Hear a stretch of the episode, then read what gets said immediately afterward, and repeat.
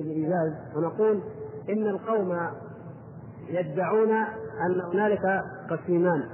قسيمين الحقيقة والشريعة.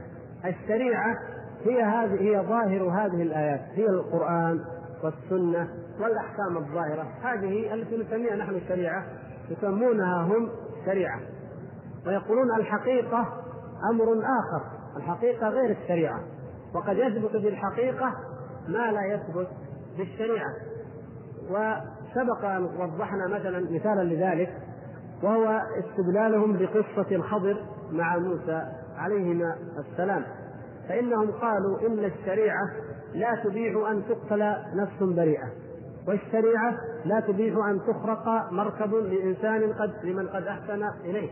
والشريعة أيضا لا تجيز أن الإنسان يذهب ويحسن إلى قوم لم يطعموه ولم يضيفوه فيبني هذا الجدار في عندهم.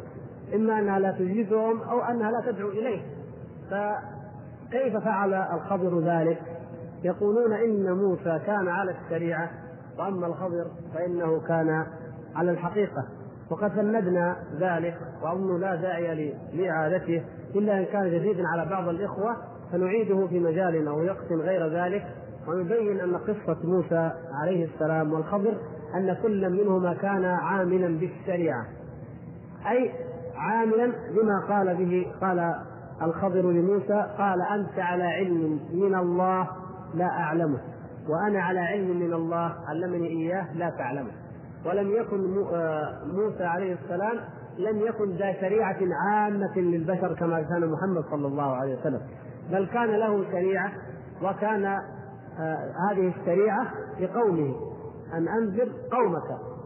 آه كل نبي كان يبعث إلى قومه كما قال النبي صلى الله عليه وسلم أوتيت خمسا في الحديث الصحيح لم يؤتهن أو لم يعطهن أحد من قبلي قال بعثت إلى الناس كافة وكان الرجل يبعث إلى قومه خاصة. فكان موسى على شريعة وهي شريعة حق وعدل. وهذه الشريعة كما في شريعتنا لا تجيز أن الإنسان يخرق آه، السفينة لمن أحسن إليه كما حصل. ولا تجيز أن تقتل نفس بغير حق هذا حق.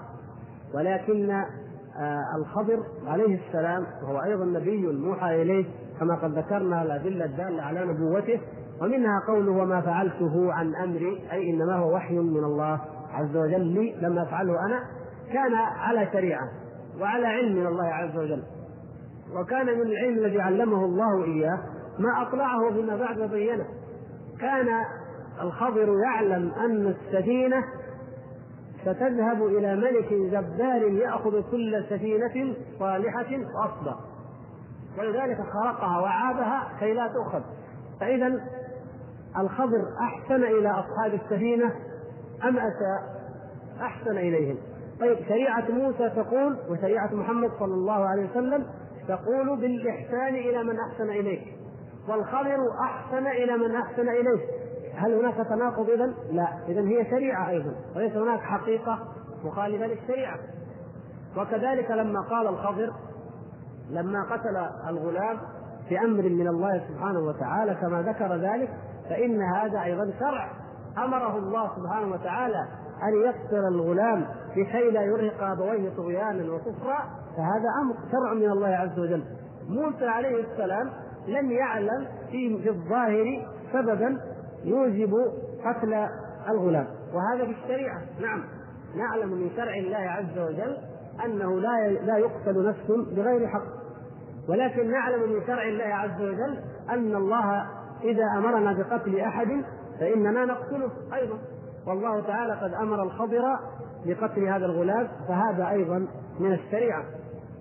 الشاهد أن كل منهما كان عاملا بالشريعة ولم يخالفها ولا وأما ما يسمى الحقيقة فإنه لا وجود له إلا في أذهان الذين اختلقوه ليهدموا به الدين. ليهدموا الدين ويقولون الصلاة والزكاة والأعمال هذه كلها والحج والجهاد هذه كلها من الشريعة. أما نحن فنحن أهل الحقائق. هذه الحقيقة. هذا النوع الثاني من أنواع التوحيد من أنواع أهل التوحيد عندهم يسمونهم الخاصة. الذين يعني يوحدون الله بماذا؟ بتوحيد الحقيقة. كما قد سبق معنا في أول الأمر في في أول الكتاب يقولون غاية التوحيد عندهم هو إثبات الربوبية. أنت أن يترقى الواحد منهم في التوحيد حتى يرى من قوة توحيده كما يزعمون أن الله تعالى هو فاعل كل شيء وأنه لا فعل لأحد معه على الإطلاق في هذا الكون وأنه هو الذي يفعل كل شيء ويسير كل شيء. هذا غاية التوحيد عندهم. التوحيد الثالث توحيد خاصة الخاصة وهذا عندهم هو الحلول والاتحاد. هو أن أن لا يبقى ذات معبودة وذات عابدة وإنما تكون تصبح الذاتان ذاتا واحدة والعياذ بالله. وهذا هو غاية هو الفناء وهو غاية السالكين كما يسمونه. غاية السالكين. لأن الطريق عندهم كما تعلمون أو كما قلنا يبتدي مريد مريد هذا يتعلم ثم سالك يمشي في المقامات ثم واصل وهو الذي قد وصل انتهى فني وسقطت عنه التكاليف. فهذا يسمى الواصل الذي قد فصل وسقطت عنه التكاليف. فيبدأ الإنسان منهم يقولون على المريد أن يلتزم بأحكام الشريعة. المريد عليه أن يلتزم بأحكام الشريعة. يجب أن يصوم وأن يصلي وأن يظهر أمام العامة حتى لا حتى يقول أن قلبه اولا لا يألف التوحيد خاصة الخاصة لأن قلبه لم يتعود. ثانيا حتى لا ينكروا عليه العامة ولو أنكروا عليه العامة وفي أول الطريق لا هرب منهم ولم يمشي في الطريق. ففي أول الطريق يعمل بالأحكام الظاهرة التي هي الشريعة الظاهرة من إقامة الصلاة ونحو ذلك لا بأس. يقولون يعمل كما يعمل الناس. هذا توحيد عنده توحيد العامة. ولكنه يترقى بالأذكار التي يعطونه كل طريقة تعطيه كما تشاء حتى يصبح من أهل الحقيقة. فإذا أصبح من أهل الحقيقة فإن التكاليف تتحول عنده من تكاليف آه، صلاة وقيام ونحو ذلك إلى أذكار وأوراد وعبادات يمنونها هم عليه. ثم يترقى حتى يصبح من أهل الفناء ومن أهل الشهود. وهؤلاء هم أهل وحدة الوجود والعياذ بالله. أي أنه يرى أن نفسه هو الخالق وهو المخلوق والعياذ بالله فلا يبقى هناك ذاتان منفصلتان وإنما هي ذات واحدة. وهذا من من أسهل أعظم أنواع الكفر. وأبو حامد الغزالي غفر الله تعالى له وقد رجع عن هذا في آخر حياته كما قد بينا وأنه رجع وأنه مات والصحيحين آه، على صدره أنه ندم على ما فرط منه. لكن يقول أبو حامد عندما ذكر هذه الأشياء ذكرها كمصدر مصادر الحقيقة ومصادر المعرفة ولم يكن مستيقنا من لوازم هذا القول وما ينبني عليه. لأنه يقول كما ذكر في الإحياء كيف يتلقى الإنسان لينتقل من كونه من أصحاب توحيد العامة أي من أصحاب الشريعة إلى أن يكون من أصحاب الحقيقة؟ يقول إما أن يذهب إلى جبل أو إلى مغارة يختلي فيها ويذكر حتى يأتيه الكشف فإن لم يستطع فليأخذ كساء أسود غليظ ويلفه على رأسه حتى كأنه قد اختلى ويظل يردد ويقول الله الله الله يردد ما ما يذكره من الأذكار حتى يأتيه الكشف هذه الأشياء كانت سببا لأن يأتي من بعده كما يأتي أيضا الهروي الهروي وأبو حمد الغزالي نقول ونحسن الظن بهم أنهم لم يكونوا يدركون ماذا سيترتب على هذا الكلام. جاء من بعدهم جاء بعدهم الملاحدة الذين كشفوا القناع وصرحوا بذلك. وقد كان قبلهم أيضا من صرح بذلك. ولكن أكثر المتأخرين يعتمدون على كتاب الهروي. طبعا قد قلنا كتاب الهروي هو منازل السائرين الذي شرحه الإمام ابن القيم في كتابه مدارس. السالكين وكتاب أبو حامد الغزالي هو إحياء علوم الدين وكذلك المنقذ من الضلال وكذلك الرسائل الأخرى التي جمعت وطبعت كما تعلمون. ففيها من هذا الكلام كما ستأتينا أبيات الهروي مثلا. نرد على هؤلاء جميعا وهذا هو الذي يهمنا أن نرد عليهم ونقول إن أكمل الناس توحيدا هم الخليلان كما قال محمد صلى الله عليه وسلم وإبراهيم عليه السلام. أكمل الناس توحيدا. فليس هناك رقي ولا ترقي في التوحيد بحيث يصبح الإنسان أعظم من محمد صلى الله عليه وسلم ولا من الخليل إبراهيم عليه السلام. ومع ذلك فإن دين الخليل ودين محمد صلى الله عليه وسلم هو إفراد الله بالعبادة هو توحيد الألوهية. هو عبادته تعالى إلى الموت. واعبد ربك حتى يأتيك اليقين. واعبد ربك حتى يأتيك اليقين أي لا تنفك عن عبادته تعالى إلى أن يدركك الموت. فما دمت عبدا ما دمت حيا فأنت عبد لله سبحانه وتعالى. فوصف العبودية لا ينفك عنه مطلقا. أما ما يقال من الحقيقة من الحقائق وأما ما يقال من الفناء أو من الشهود فهذه مصطلحات بدعية شركية لم يعرفها الخليلان ولم يعرفها أصحاب النبي صلى الله عليه وسلم من بعده ولم يعرفها أولو العزم من الرسل. وإنما هذه هي بدع وضلالات ابتدعها هؤلاء القوم وأدخلوها في دين الإسلام. فلذلك يقول إن حقيقة التوحيد أعظم من حقق التوحيد هم هؤلاء. فهل كان فيما حققوه أنهم جعلوا التوحيد ثلاثة أقسام وأنهم جعلوا قسما هذا القسم الخاص الخفي ثم خاصة الخاصة أخفى وأدق لا. وإنما كانت الدعوة إلى عبادة الله كان النبي صلى الله عليه وسلم يعبد الله أمام أصحابه. هذه حقيقة التوحيد وتحقيق التوحيد هو هذه العبادة. وكان أصحابه يقتدون به في عبادته.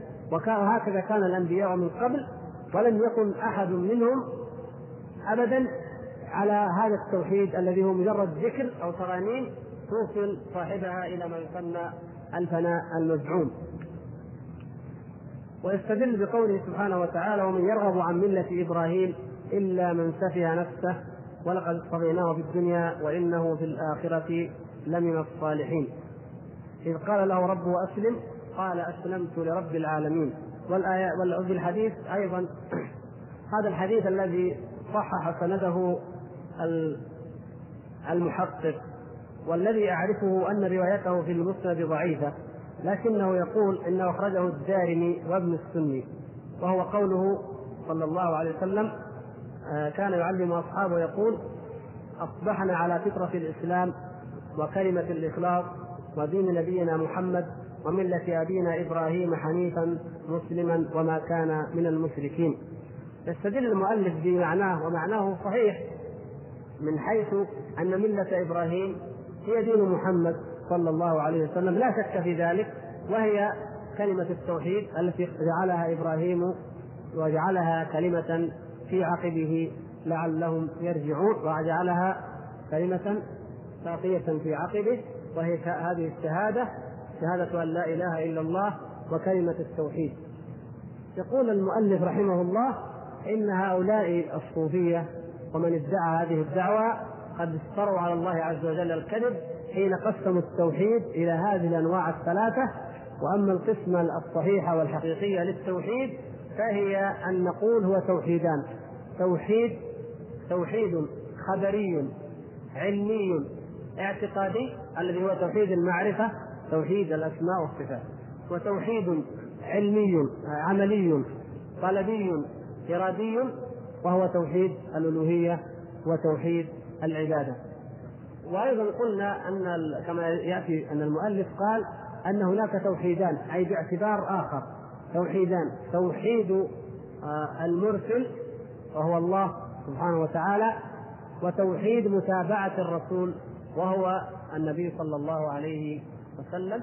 فنوحد الله تعالى بالطاعة والعبادة في أن نعبده وحده ونوحد النبي صلى الله عليه وسلم بالاقتداء فلا نقتدي بأحد خالفه. فإذا طبقنا هذه الأنواع الصحيحة الواردة في سورة الفاتحة وغيرها من الآيات في القرآن كله كما مر معنا في الدرس الماضي هذه انواع التوحيد التي جاء بها القرآن كله ودل عليها القرآن كله إذا طبقناها أو طبقنا تلك الأنواع عليها الأنواع الثلاثة التي أحدثها المبتدعه نجد أن هذا الكلام من اكذب الكذب ومن أبطل الباطل. نأخذ الأبيات ابيات الهروي.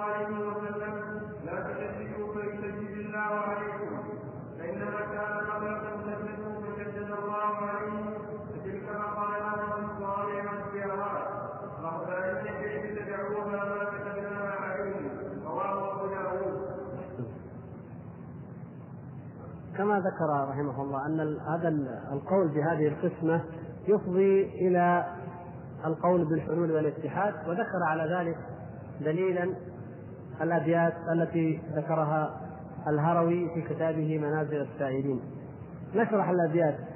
يقول ما وحد الواحد من واحد. ما وحد الواحد من واحد. الواحد هو الله سبحانه وتعالى. قل ما وحد الله سبحانه وتعالى أحد. الله تعالى يقول لم يوحده أحد. إذ كل من وحده جاحد. فيحكم بأن كل من وحد الله فهو جاحد. توحيد من ينطق عن نعته عارية أبطلها الواحد. يقول إن توحيد من ينطق عن نعته كل من تكلم في التوحيد وفي صفات التوحيد من الناس فإن هذا التوحيد عارية أبطلها الواحد الذي هو الله سبحانه وتعالى فلا حقيقة لتوحيد هؤلاء القوم. توحيده إياه توحيده. توحيده الأولى مبتدأ توحيده الثانية خبر. يعني توحيد الله لنفسه هو التوحيد فقط. توحيد الله لنفسه هو التوحيد. توحيده إياه توحيده. حقيقة توحيده هو ما وحده هو نفسه. لا ما وحده غيره ونعت من ينعته لاحد. وكل يعني وصف غير الله عز وجل له سبحانه وتعالى إلحاد. نعت غير الله لله إلحاد. نحن من خلال الآية التي سبقت في الدرس الماضي آية الشهادة نستطيع أن نرد على هذه الأبيات كما رد عليها ابن القيم في المدارج. وهو قول الله تبارك وتعالى شهد الله أنه لا إله إلا هو ثم قال بعد ذلك والملائكة وأولو العلم. فأثبت الله سبحانه وتعالى أن الملائكة وأن أولي العلم وحدوه. شهد له بالوحدانية. فمن يقول بأنه لم يوحد الله أحد وأن من وحده أو نعته فإنه لاحد ملحد جاحد فهذا مكذب لهذه الآية. أي أنها أن مما يبطل هذه الأبيات هو هذه الآية التي سبق معنا إيضاحها وتفسيرها كاملة. فإن الله سبحانه وتعالى قد بين أن عباده يوحدوه. بل ذكر ابن القيم رحمه الله تعالى يقول إن الأرض والسماء نفسها هذه التي تسبح الله وإن من شيء إلا يسبح بحمده ولكن لا تفقهون تسبيحهم. هي نفسها توحد الله عز وجل وتعبده. فهذا الكلام ينفي أن شيئا يوحد الله لا الأنبياء ولا العباد الصالحون ولا مخلوقات الله التي تسبح الله سبحانه وتعالى بحمده وحده. وهذا هذا دليل على بطلان هذا القول وهو أنه لم يوحد الله أحد وأن من وحده فهو ملحد. وماذا وقع في ذلك هذا هذا الرجل الهروي؟ وقع فيه نتيجة الغلو. غلا في فهم التوحيد حتى ظن أن حقيقة التوحيد أن الذي هو في ذهنه أن التوحيد أمر خفي عميق بعيد لا يدركه أحد. ولذلك لم يوحد الله أحد أبدا إلا هو نفسه الذي وحد نفسه. من هذا المنطلق من منطلق الغلو مع الابتعاد عن نصوص الكتاب والسنة وقع فيما وقع فيه أهل الكتاب. من الغلو ومن القول بهذا القول الذي تبطله الآيات الصريحة والأحاديث الصريحة في كتاب الله سبحانه في كتاب الله وفي سنة النبي صلى الله عليه وسلم. جاء الاتحاديون أهل الحلول والاتحاد وتعلقوا بهذه الأبيات وقالوا إن الهروي كان من أهل الحلول والاتحاد. لأنه يقول إن الله لم يوحده من من أحد غيره فهو الذي وحد نفسه. إذا البشر كل البشر لا يوحدون الله إذا من الذي يعرف حقيقة التوحيد؟ كما قالوا يعرفها من يؤمن بالوحدة الوجود من يؤمن بالحلول والاتحاد فهذا الكلام دليل لهم. يقول الشارح يقول وإن كان قائله رحمه الله لم يرد به الاتحاد. القائل الهروي أراد الغلو في مفهوم التوحيد ولم يرد حقيقة الاتحاد لكنه لما جاء بهذا اللفظ لما جاء بهذا الكلام الباطل الذي أبطله القرآن وابطلته السنة وليس له أصل من الكتاب ولا من السنة جاء الاتحادي فنسبه إليه وادعاه إليه. ولا يهمنا أن يكون الهروي أراد هذا أو لم يرد وان كان الظاهر من سيره الرجل أنه كان آمرا بالمعروف وناهيا عن المنكر وكان من مثبتي الصفات لله سبحانه وتعالى وإنما المأخذ عليه هو أنه مشى على منهج الصوفية وأخذ اصطلاحاتهم في المقامات والأحوال والمنازل والإشارات.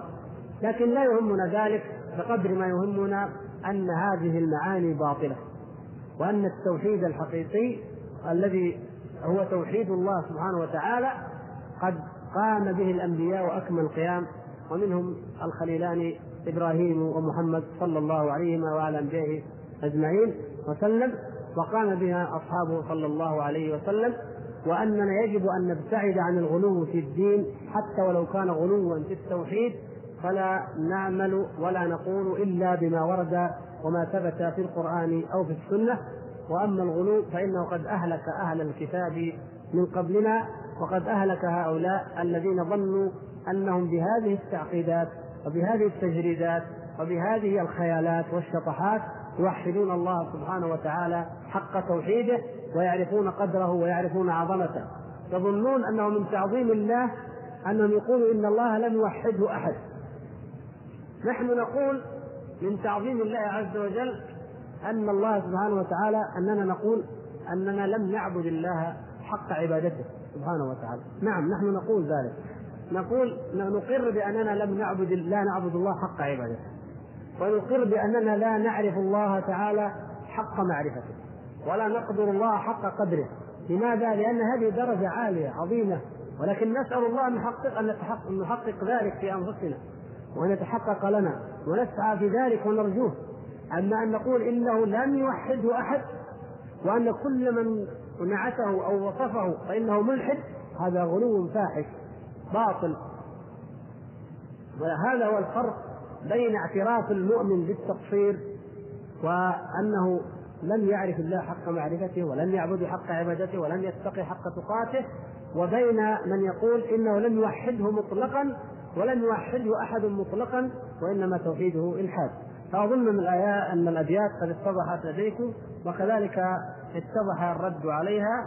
ووجه وجه استدلال المؤلف رحمه الله تعالى في الرد عليها بقوله تعالى قل يا أهل الكتاب لا تغلوا في دينكم أي أن نتيجة الغلو هي هذا وبقول النبي صلى الله عليه وسلم في الحديث الذي رواه أبو داود لا تشددوا فيشدد الله عليكم فإن هذا نهي عن التشدد حتى في مفهومات الإيمان حتى في مفهومات التوحيد ولذلك وقع الخوارج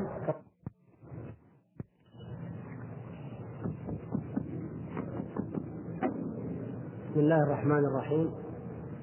نجيب على بعض الأسئلة. ونبدأ بالسؤال هذا. الأخ سأله أو غيره والمهم هذا السؤال مر في الدرس الماضي ومعناه غير مشكل أو الإجابة عليه واضحة لكن الأخ أعاده. يقول سمعت لك في محاضرة سابقة بأن الإنسان لا يحكم لا يحكم على قاتل نفسه بالخلود في النار. وسمعت حديثا لرسول الله صلى الله عليه وسلم فيما معناه من تردى من جبل. هذا يا اللغة العربية يعني من خلال الأسئلة. أنا ألاحظ أخطاء فاحشة في اللغة العربية وهذه مشكلة. يجب أننا جميعا نحاول خاصة لما نقول قال الله وقال رسول الله أننا نلتزم باللغة العربية الصحيحة التي نزل بها هذا القرآن ونطق بها النبي صلى الله عليه وسلم. ما يقول تردى من جبلا ابدا. تردى من جبل. فقتل نفسه فهو يتردى في نار جهنم خالدا مخلدا ومن قتل نفسه بسم فهو يتحساه في نار جهنم خالدا مخلدا. والحديث يوجد في صحيح مسلم. أرجو الإيضاح وجزاكم الله خيرا. في المرة الماضية لم أقل من عندي أنا أن الإنسان أن قاتل نفسه لا يحكم له بالخلود في النار. وإنما قلت إن الرسول صلى الله عليه وسلم هو الذي أخبرنا بذلك. والأحاديث التي وردت في إخراج عصاة المؤمنين من النار أحاديث صحيحة وكثيرة. وقلت منها حديث الجهنميون الذين يسمون الجهنميون وهم آخر من يخرج من أهل النار من النار ويدخل الجنة. هذه حديث صحيحة رواها البخاري ومسلم والإمام أحمد عن أبي هريرة وعن أنس بن مالك وعن أبي سعيد الخدري في المسند أيضا رواها رواه الإمام أحمد عن جابر وعن حذيفة. فنجد أن جمعا من الصحابة قد رووا هذه الأحاديث وأنها أحاديث صحيحة لا مطعن فيها ومؤداها جميعا أن الله سبحانه وتعالى يتحنن أو قبل ذلك أن الله سبحانه وتعالى يشفع يشفع عباده المؤمنين يشفع الأنبياء. والملائكة والصالحين في أهل النار. فيقول لهم اذهبوا فمن وجدتموه لا يشرك من وجدتموه لا يشرك بالله شيئا فأخرجوه. فيذهب الملائكة والنبيون والصالحون إلى النار يطلعون على النار ويرون أهل الإيمان أو أهل الإسلام يعرفونهم بعلامة السجود. كما قال في نفس الحديث لأن النار لا تأكل علامة السجود من ابن آدم. ولذلك قلت أن هذا دليل على ماذا؟ على أن تارك الصلاة ليس بمسلم وأنه يخلد في النار. الذي ما يصلي مطلقا تارك الصلاة أنه يخلد في النار. لأنه من أين تكون له علامة السجود؟ وهو لا يصلي لم يكن يصلي. لا تكون له علامة. والله تعالى يأمر الأنبياء والملائكة والصالحين بأن يخرجوا من النار من كانت فيه علامة السجود. يعرفون المؤمنين من الكافرين بعلامة السجود. فيأتون فمن وجدوا فيه علامة السجود شفعوا فيه لله عز وجل وأخرجوه. ثم بعد ذلك يتحنن الله تبارك وتعالى من فضله وكرمه فيخرج أقواما لم يعملوا خيرا قط. كما جاء في إحدى روايات الحديث في صحيح مسلم. فمعنى ذلك أن قاتل نفسه. إذا كان من أهل الصلاة فإنه لا يخلد في النار. وأي صاحب كبيرة الزاني أو شارب الخمر أو السارق وما أشبه ذلك من أصحاب الكبائر هؤلاء إما أن يتوبوا فإن تابوا فالله سبحانه وتعالى يقبل التوبة عن عباده ويعفو عنهم ولا يؤاخذهم بما فعلوا. كما قال تبارك وتعالى والذين لا يدعون مع الله إلها آخر ولا يقتلون النفس التي حرم الله إلا بالحق ولا يزنون ومن يفعل ذلك يلقى أثاما يضاعف له العذاب يوم القيامة ويخلد فيه مهانا إلا من تاب إلا من تاب وآمن وعمل عملا صالحا. فأولئك يبدل الله سيئاتهم حسنات وكان الله غفورا رحيما. هذا من فضل الله. فإما أن يتوب هذا أحد المكفرات. وإما أن يكون له حسنات عظيمة. مثل مثلا إنسان فعل هذه مثل فعل بعض هذه الأفعال لكنه جاهد في سبيل الله لكنه كان يأمر بالمعروف وينهى عن المنكر لكنه أنفق مالا عظيما في سبيل الله فيكفر الله تعالى له هذا بهذا. وإما أن يعذب في الدنيا ويبتلى في الدنيا بمصائب يكفر الله تعالى عنه بها ذلك الذنب. وإما أن يعذب في قبره عذابا يكفر الله تعالى به ذلك الذنب حتى إذا بعث يوم القيامة كان قد أخذ عذابه في القبر. وإما أن يعذب في موقف القيامة. الله سبحانه وتعالى يختص بعض عباده المؤمنين فيظلهم تحت ظل عرشه يوم لا ظل إلا ظله ويختصهم بأن يكون الموقف عليهم مثل ما بين ما بين الصلاة إلى الصلاة. أما الآخرون فإنه يكون عليهم خمسين ألف سنة. وهذا نوع من أنواع العذاب. وإما أن يعذبهم في النار. إذا نقول من أهل هؤلاء المعاصي الزاني أو السارق أو قاتل نفسه المنتحر يعني أو غيره يدخل النار. ولكن هل يخلد فيها أبد الآبدين مثل الكفار؟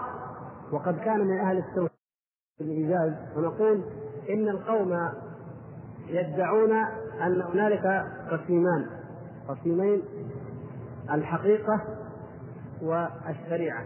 الشريعة هي هذه هي ظاهر هذه الآيات. هي القرآن والسنة والأحكام الظاهرة. هذه التي نسميها نحن الشريعة يسمونها هم شريعة. ويقولون الحقيقة أمر آخر. الحقيقة غير الشريعة. وقد يثبت بالحقيقة ما لا يثبت بالشريعة وسبق أن وضحنا مثلا مثالا لذلك وهو استدلالهم بقصة الخضر مع موسى عليهما السلام. فإنهم قالوا إن الشريعة لا تبيح أن تقتل نفس بريئة والشريعة لا تبيح أن تخرق مركب لإنسان قد لمن قد أحسن إليه. والشريعة أيضا لا تجيز أن الإنسان يذهب ويحسن إلى قوم لم يطعموه ولم يضيفوه فيبني هذا الجدار في عندهم. إما أنها لا تجيزهم أو أنها لا تدعو إليه فكيف فعل الخضر ذلك؟ يقولون إن موسى كان على الشريعة وأما الخضر فإنه كان على الحقيقة. وقد فندنا ذلك وأظن لا داعي لإعادته إلا إن كان جديدا على بعض الإخوة فنعيده في مجال أو يقسم غير ذلك. ويبين أن قصة موسى عليه السلام والخضر أن كل منهما كان عاملا بالشريعة.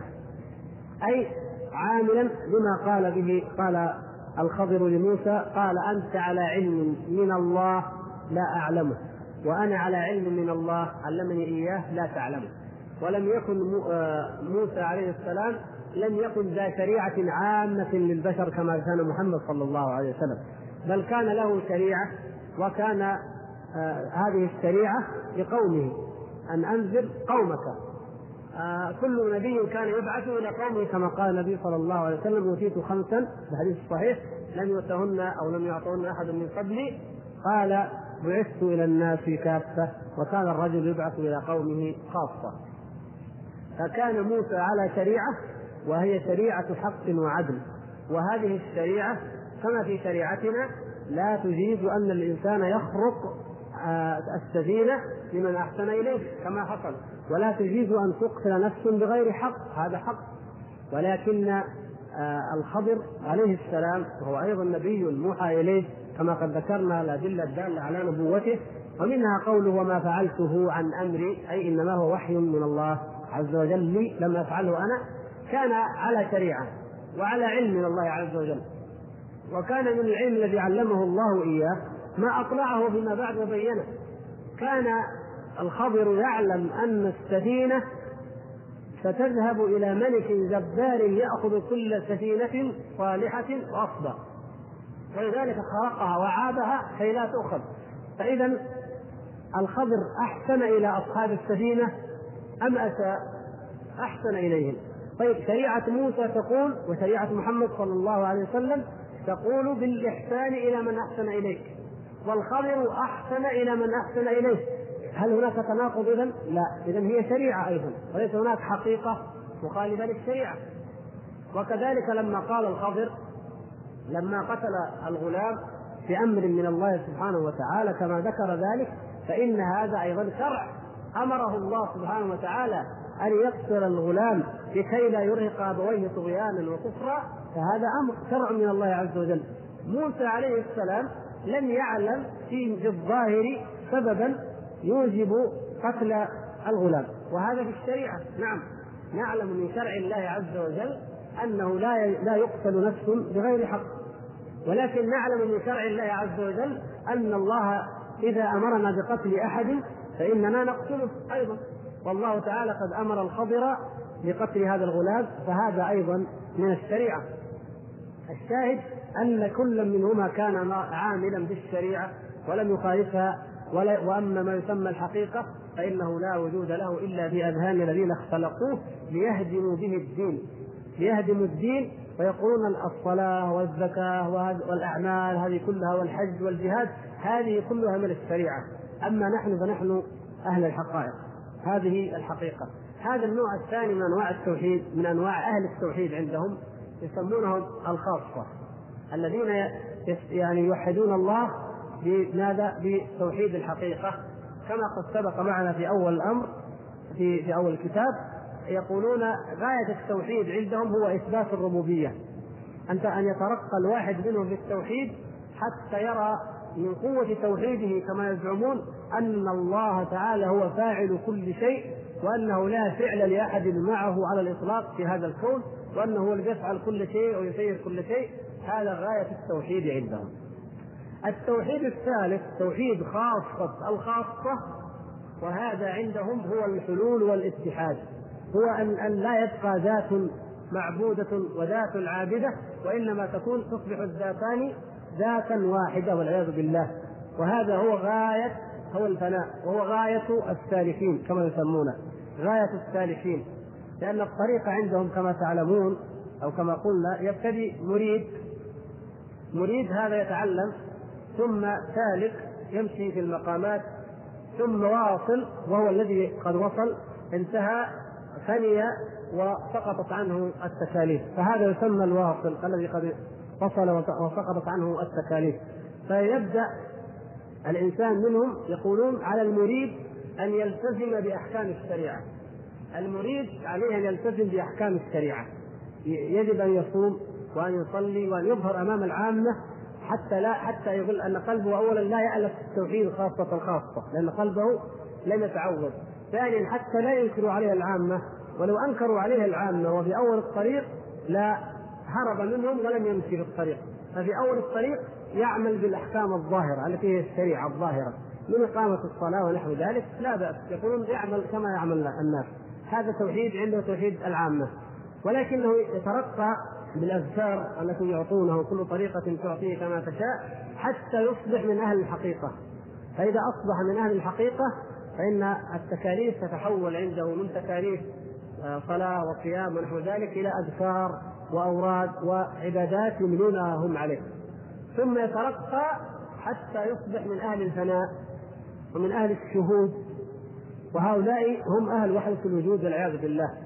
أي أنه يرى أن نفسه هو الخالق وهو المخلوق والعياذ بالله فلا يبقى هناك ذاتان منفصلتان وإنما هي ذات واحدة. وهذا من من أعظم أنواع الكفر. وأبو حامد الغزالي غفر الله تعالى له وقد رجع عن هذا في آخر حياته كما قد بينا وأنه رجع وأنه مات والصحيحين آه، على صدره وأنه ندم على ما فرط منه. لكن نقول أبو حامد عندما ذكر هذه الأشياء ذكرها كمصدر مصادر الحقيقة ومصادر المعرفة ولم يكن مستيقنا من لوازم هذا القول وما ينبني عليه لأنه يقول كما ذكر في الإحياء كيف يترقى الإنسان لينتقل من كونه من أصحاب توحيد العامة أي من أصحاب الشريعة إلى أن يكون من أصحاب الحقيقة؟ يقول إما أن يذهب إلى جبل أو إلى مغارة يختلي فيها ويذكر حتى يأتيه الكشف فإن لم يستطع فليأخذ كساء أسود غليظ ويلفه على رأسه حتى كأنه قد اختلى ويظل يردد ويقول الله الله الله يردد ما ما يذكره من الأذكار حتى يأتيه الكشف. هذه الأشياء كانت سببا لأن يأتي من بعده كما يأتي أيضا الهروي الهروي وأبو حمد الغزالي نقول ونحسن الظن بهم أنهم لم يكونوا يدركون ماذا سيترتب على هذا الكلام. جاء من بعدهم جاء بعدهم الملاحدة الذين كشفوا القناع وصرحوا بذلك. وقد كان قبلهم أيضا من صرح بذلك. ولكن أكثر المتأخرين يعتمدون على كتاب الهروي. طبعا قد قلنا كتاب الهروي هو منازل السائلين الذي شرحه الإمام ابن القيم في كتابه مدارج السالكين وكتاب أبو حامد الغزالي هو إحياء علوم الدين وكذلك المنقذ من الضلال وكذلك الرسائل الأخرى التي جمعت وطبعت كما تعلمون. ففيها من هذا الكلام كما ستأتينا أبيات الهروي مثلا. نرد على هؤلاء جميعا وهذا هو الذي يهمنا أن نرد عليهم ونقول إن أكمل الناس توحيدا هم الخليلان كما قال محمد صلى الله عليه وسلم وابراهيم عليه السلام أكمل الناس توحيدا فليس هناك رقي ولا ترقي في التوحيد بحيث يصبح الإنسان أعظم من محمد صلى الله عليه وسلم ولا من الخليل إبراهيم عليه السلام. ومع ذلك فإن دين الخليل ودين محمد صلى الله عليه وسلم هو إفراد الله بالعبادة هو توحيد الألوهية. هو عبادته تعالى إلى الموت. واعبد ربك حتى يأتيك اليقين. واعبد ربك حتى يأتيك اليقين أي لا تنفك عن عبادته تعالى إلى أن يدركك الموت. فما دمت عبدا ما دمت حيا فأنت عبد لله سبحانه وتعالى. فوصف العبودية لا ينفك عنه مطلقا. أما ما يقال من الحقيقة من الحقائق وأما ما يقال من الفناء أو من الشهود فهذه مصطلحات بدعية شركية لم يعرفها الخليلان ولم يعرفها أصحاب النبي صلى الله عليه وسلم من بعده ولم يعرفها أولو العزم من الرسل. وإنما هذه هي بدع وضلالات ابتدعها هؤلاء القوم وأدخلوها في دين الإسلام. فلذلك يقول إن حقيقة التوحيد أعظم من حقق التوحيد هم هؤلاء. فهل كان فيما حققوه أنهم جعلوا التوحيد ثلاثة أقسام وأنهم جعلوا قسما هذا القسم الخاص الخفي ثم خاصة الخاصة أخفى وأدق لا. وإنما كانت الدعوة إلى عبادة الله كان النبي صلى الله عليه وسلم يعبد الله أمام أصحابه. هذه حقيقة التوحيد وتحقيق التوحيد هو هذه العبادة. وكان أصحابه يقتدون به في عبادته. وكان هكذا كان الأنبياء من قبل ولم يكن أحد منهم أبدا على هذا التوحيد الذي هو مجرد ذكر أو ترانيم توصل صاحبها إلى ما يسمى الفناء المزعوم. ويستدل بقوله سبحانه وتعالى ومن يرغب عن ملة إبراهيم إلا من سفه نفسه ولقد اصطفيناه في الدنيا وإنه في الآخرة لمن الصالحين. إذ قال له ربه أسلم قال أسلمت لرب العالمين. والآية وفي الحديث أيضا هذا الحديث الذي صحح سنده المحقق والذي أعرفه أن روايته في المسند ضعيفة لكنه يقول إنه أخرجه الدارمي وابن السني وهو قوله صلى الله عليه وسلم آه، كان يعلم أصحابه يقول أصبحنا على فطرة الإسلام وكلمة الإخلاص ودين نبينا محمد وملة أبينا إبراهيم حنيفا مسلما وما كان من المشركين. يستدل المؤلف بمعناه ومعناه صحيح من حيث أن ملة إبراهيم هي دين محمد صلى الله عليه وسلم. لا شك في ذلك وهي كلمة التوحيد التي جعلها إبراهيم وجعلها كلمة في عقبه لعلهم يرجعون وجعلها كلمة باقية في عقبه وهي هذه الشهادة شهادة أن لا إله إلا الله وكلمة التوحيد. يقول المؤلف رحمه الله إن هؤلاء الصوفية ومن ادعى هذه الدعوة قد افتروا على الله عز وجل الكذب حين قسموا التوحيد إلى هذه الأنواع الثلاثة. وأما القسمة الصحيحة والحقيقية للتوحيد فهي أن نقول هو توحيدان. توحيد توحيد خبري علمي اعتقادي الذي هو توحيد المعرفة توحيد الأسماء والصفات. وتوحيد علمي عملي طلبي إرادي وهو توحيد الألوهية وتوحيد العبادة. وأيضا قلنا أن كما يأتي أن المؤلف قال أن هناك توحيدان أي باعتبار آخر. توحيدان. توحيد آه، المرسل وهو الله سبحانه وتعالى وتوحيد متابعة الرسول وهو النبي صلى الله عليه وسلم. فنوحد الله تعالى بالطاعة والعبادة بأن نعبده وحده ونوحد النبي صلى الله عليه وسلم بالاقتداء فلا نقتدي بأحد خالفه. فإذا طبقنا هذه الأنواع الصحيحة الواردة في سورة الفاتحة وغيرها من الآيات في القرآن كله كما مر معنا في الدرس الماضي هذه انواع التوحيد التي جاء بها القرآن كله ودل عليها القرآن كله إذا طبقناها على أو طبقنا تلك الأنواع عليها الأنواع الثلاثة التي أحدثها المبتدعة نجد أن هذا الكلام من اسلب الكذب ومن أبطل الباطل. نأخذ الأبيات ابيات الهروي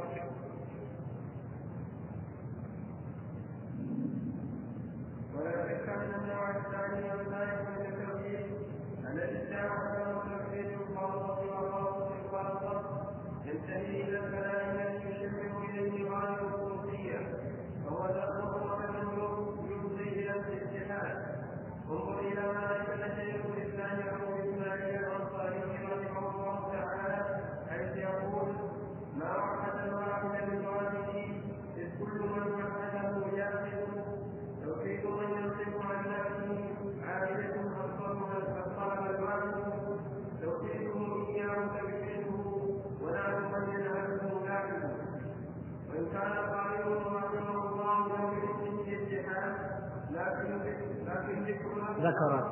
ذكر لكن ذكر لفظا فلان فلان يدعو فيه الاستحاله اليه واقسم بالله من عندنا انه معه ولو ترك لفظا الجسد في ما لدينا كان احق مع ان الذي كان قوله لو كان مطلوبا منا لنفتح الله عليه وجعلنا بيديه وبينه فان على المطلوب فلا بد منه فان قال المطلوب هذا توحيد العامة وهذا توحيد الخاصة وهذا توحيد الخاصة الخاصة أو ما يقول لهذا المعنى أو أشار إلى هذه الأصول والعقول حاضرة فهذا كلام الله ينزل على رسوله صلى الله عليه وسلم وهذه سنة الرسول وهذا كلام خير الرسول بعد الرسول وسلام عليه من الأئمة الجاهل فلا وهذا تقسم عن أهل منهم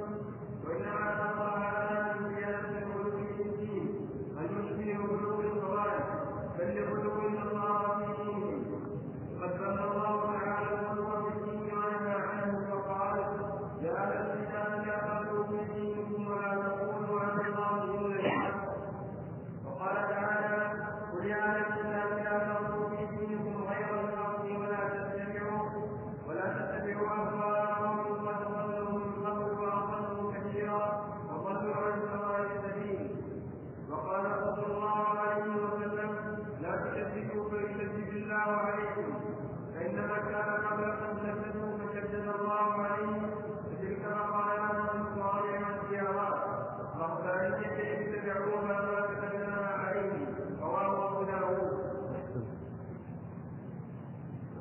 ذكر رحمه الله أن هذا القول بهذه القسمة يفضي إلى القول بالحلول والاتحاد وذكر على ذلك دليلا الأبيات التي ذكرها الهروي في كتابه منازل السائلين نشرح الأبيات. يقول ما وحد الواحد من واحد. ما وحد الواحد من واحد. الواحد هو الله سبحانه وتعالى. قل ما وحد الله سبحانه وتعالى أحد. الله تعالى يقول لم يوحده أحد. إذ كل من وحده جاحد فيحكم بأن كل من وحد الله فهو جاحد توحيد من ينطق عن نعته عارية أبطلها الواحد. يقول إن توحيد من ينطق عن نعته كل من تكلم في التوحيد وفي صفات التوحيد من الناس فإن هذا التوحيد عارية أبطلها الواحد الذي هو الله سبحانه وتعالى فلا حقيقة لتوحيد هؤلاء القوم. توحيده إياه توحيده. توحيده الأولى مبتدأ توحيده الثانية خبر. يعني توحيد الله لنفسه هو التوحيد فقط. توحيد الله لنفسه هو التوحيد. توحيده إياه توحيده. حقيقة توحيده هو ما وحده هو نفسه. لا وحده غيره ونعت من ينعته لاحد. وكل يعني وصف غير الله عز وجل له سبحانه وتعالى إلحاد. نعت غير الله لله إلحاد. نحن من خلال الآية التي سبقت في الدرس الماضي آية الشهادة نستطيع أن نرد على هذه الأبيات كما رد عليها ابن القيم في المدارج. وهو قول الله تبارك وتعالى شهد الله أنه لا إله إلا هو ثم قال بعد ذلك والملائكة وأولو العلم. فأثبت الله سبحانه وتعالى أن الملائكة وأن أولي العلم وحدوه. شهدوا له بالوحدانية. فمن يقول بأنه لم يوحد الله أحد وأن من وحده أو نعته فإنه لاحد ملحد جاحد فهذا مكذب لهذه الآية. أي أنها أن مما يبطل هذه الأبيات هو هذه الآية التي سبق معنا إيضاحها وتفسيرها كاملة. فإن الله سبحانه وتعالى قد بين أن عباده يوحدوه. بل ذكر ابن القيم رحمه الله تعالى يقول إن الأرض والسماء نفسها هذه التي تسبح الله وإن من شيء إلا يسبح بحمده ولكن لا تفقهون تسبيحهم. هي نفسها توحد الله عز وجل وتعبده. فهذا الكلام ينفي أن شيئا يوحد الله لا الأنبياء ولا العباد الصالحون ولا مخلوقات الله التي تسبح الله سبحانه وتعالى بحمده وحده. وهذا هذا دليل على بطلان هذا القول وهو أنه لم يوحد الله أحد وأن من وحده فهو ملحد. لماذا وقع في ذلك هذا هذا الرجل الهروي؟ وقع في نتيجة الغلو. غلا في فهم التوحيد حتى ظن أن حقيقة التوحيد أن الذي هو في ذهنه أن التوحيد أمر خفي عميق بعيد لا يدركه أحد. ولذلك لم يوحد الله أحد أبدا إلا هو نفسه الذي وحد نفسه. من هذا المنطلق من منطلق الغلو مع الابتعاد عن نصوص الكتاب والسنة وقع فيما وقع فيه أهل الكتاب. من الغلو ومن القول بهذا القول الذي تبطله الآيات الصريحة والأحاديث الصحيحة في كتاب الله سبحانه في كتاب الله وفي سنة النبي صلى الله عليه وسلم. جاء الاتحاديون أهل الحلول والاتحاد وتعلقوا بهذه الأبيات وقالوا إن الهروي كان من أهل الحلول والاتحاد. لأنه يقول إن الله لم يوحده من من أحد غيره فهو الذي وحد نفسه. إذا البشر كل البشر لا يوحدون الله إذا من الذي يعرف حقيقة التوحيد كما قالوا يعرفها من يؤمن بالوحدة الوجود من يؤمن بالحلول والاتحاد فهذا الكلام دليل لهم.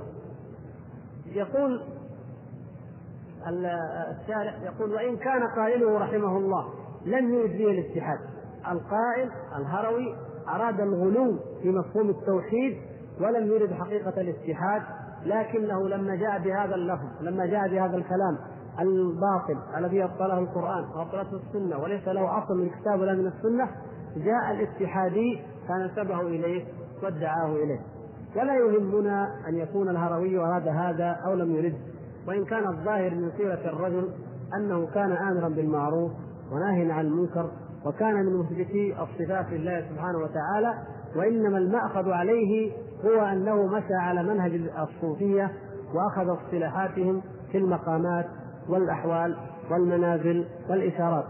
لكن لا يهمنا ذلك بقدر ما يهمنا أن هذه المعاني باطلة وأن التوحيد الحقيقي الذي هو توحيد الله سبحانه وتعالى قد قام به الأنبياء أكمل القيام ومنهم الخليلان إبراهيم ومحمد صلى الله عليهما وعلى أنبيائه أجمعين وسلم وقام بها أصحابه صلى الله عليه وسلم وأننا يجب أن نبتعد عن الغلو في الدين حتى ولو كان غلوا في التوحيد فلا نعمل ولا نقول إلا بما ورد وما ثبت في القرآن أو في السنة. وأما الغلو فإنه قد أهلك أهل الكتاب من قبلنا وقد أهلك هؤلاء الذين ظنوا أنهم بهذه التعقيدات وبهذه التجريدات وبهذه الخيالات والشطحات يوحدون الله سبحانه وتعالى حق توحيده. ويعرفون قدره ويعرفون عظمته. يظنون أنه من تعظيم الله أنهم يقولوا إن الله لم يوحده أحد. نحن نقول من تعظيم الله عز وجل أن الله سبحانه وتعالى أننا نقول أننا لم نعبد الله حق عبادته سبحانه وتعالى. نعم نحن نقول ذلك. نقول نقر بأننا لم نعبد لا نعبد الله حق عبادته. ونقر بأننا لا نعرف الله تعالى حق معرفته. ولا نقدر الله حق قدره. لماذا؟ لأن هذه درجة عالية عظيمة. ولكن نسأل الله أن نحقق أن نحقق, نحقق ذلك في أنفسنا وأن يتحقق لنا ونسعى في ذلك ونرجوه. أما أن نقول إنه لم يوحده أحد وأن كل من نعته أو وصفه فإنه ملحد هذا غلو فاحش باطل. وهذا هو الفرق بين اعتراف المؤمن بالتقصير وأنه لم يعرف الله حق معرفته ولم يعبد حق عبادته ولم يتقي حق تقاته وبين من يقول إنه لم يوحده مطلقا ولم يوحده أحد مطلقا وإنما توحيده إلحاد. فأظن من الايات أن الأبيات قد اتضحت لديكم وكذلك اتضح الرد عليها ووجه وجه استدلال المؤلف رحمه الله تعالى في الرد عليها بقوله تعالى قل يا أهل الكتاب لا تغلوا في دينكم أي أن نتيجه الغلو هي هذا. وبقول النبي صلى الله عليه وسلم في الحديث الذي رواه أبو داود لا تشددوا فيشدد الله عليكم. فإن هذا نهي عن التشدد حتى في مفهومات الإيمان حتى في مفهومات التوحيد. ولذلك وقع الخوارج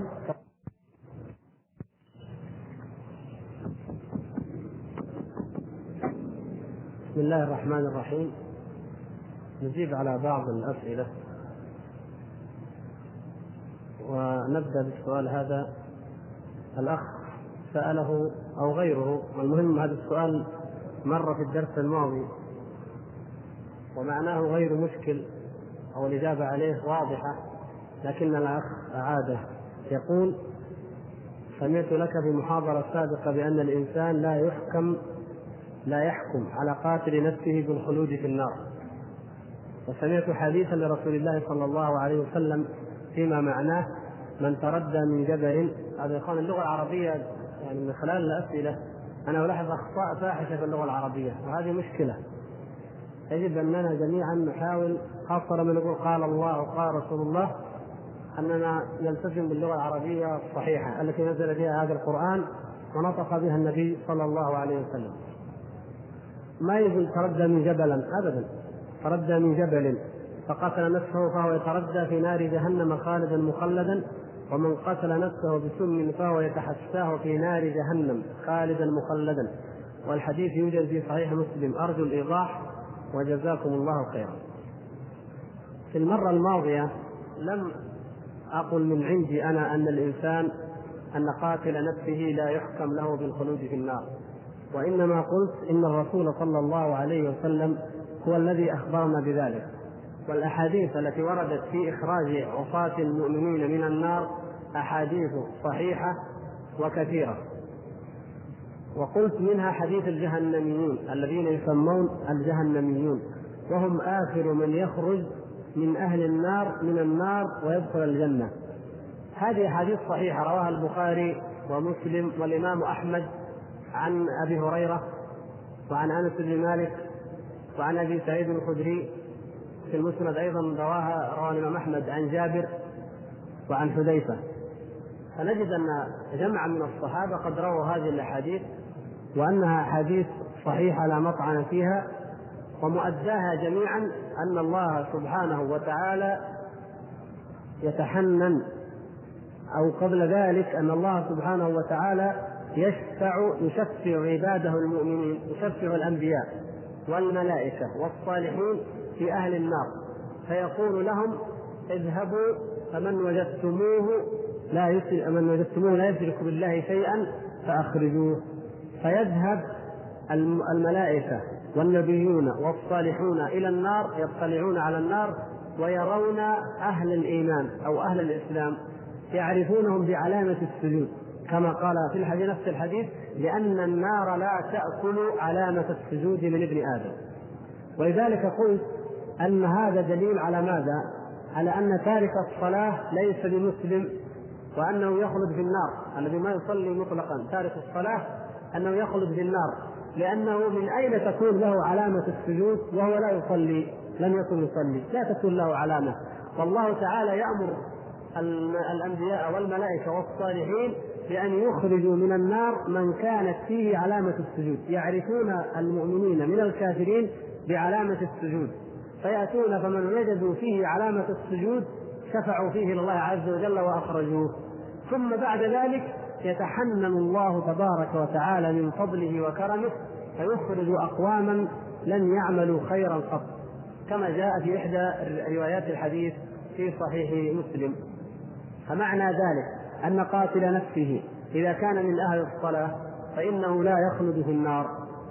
وأي صاحب كبيرة الزاني أو شارب الخمر أو السارق وما أشبه ذلك من أصحاب الكبائر هؤلاء إما أن يتوبوا فإن تابوا فالله سبحانه وتعالى يقبل التوبة عن عباده ويعفو عنهم ولا يؤاخذهم بما فعلوا.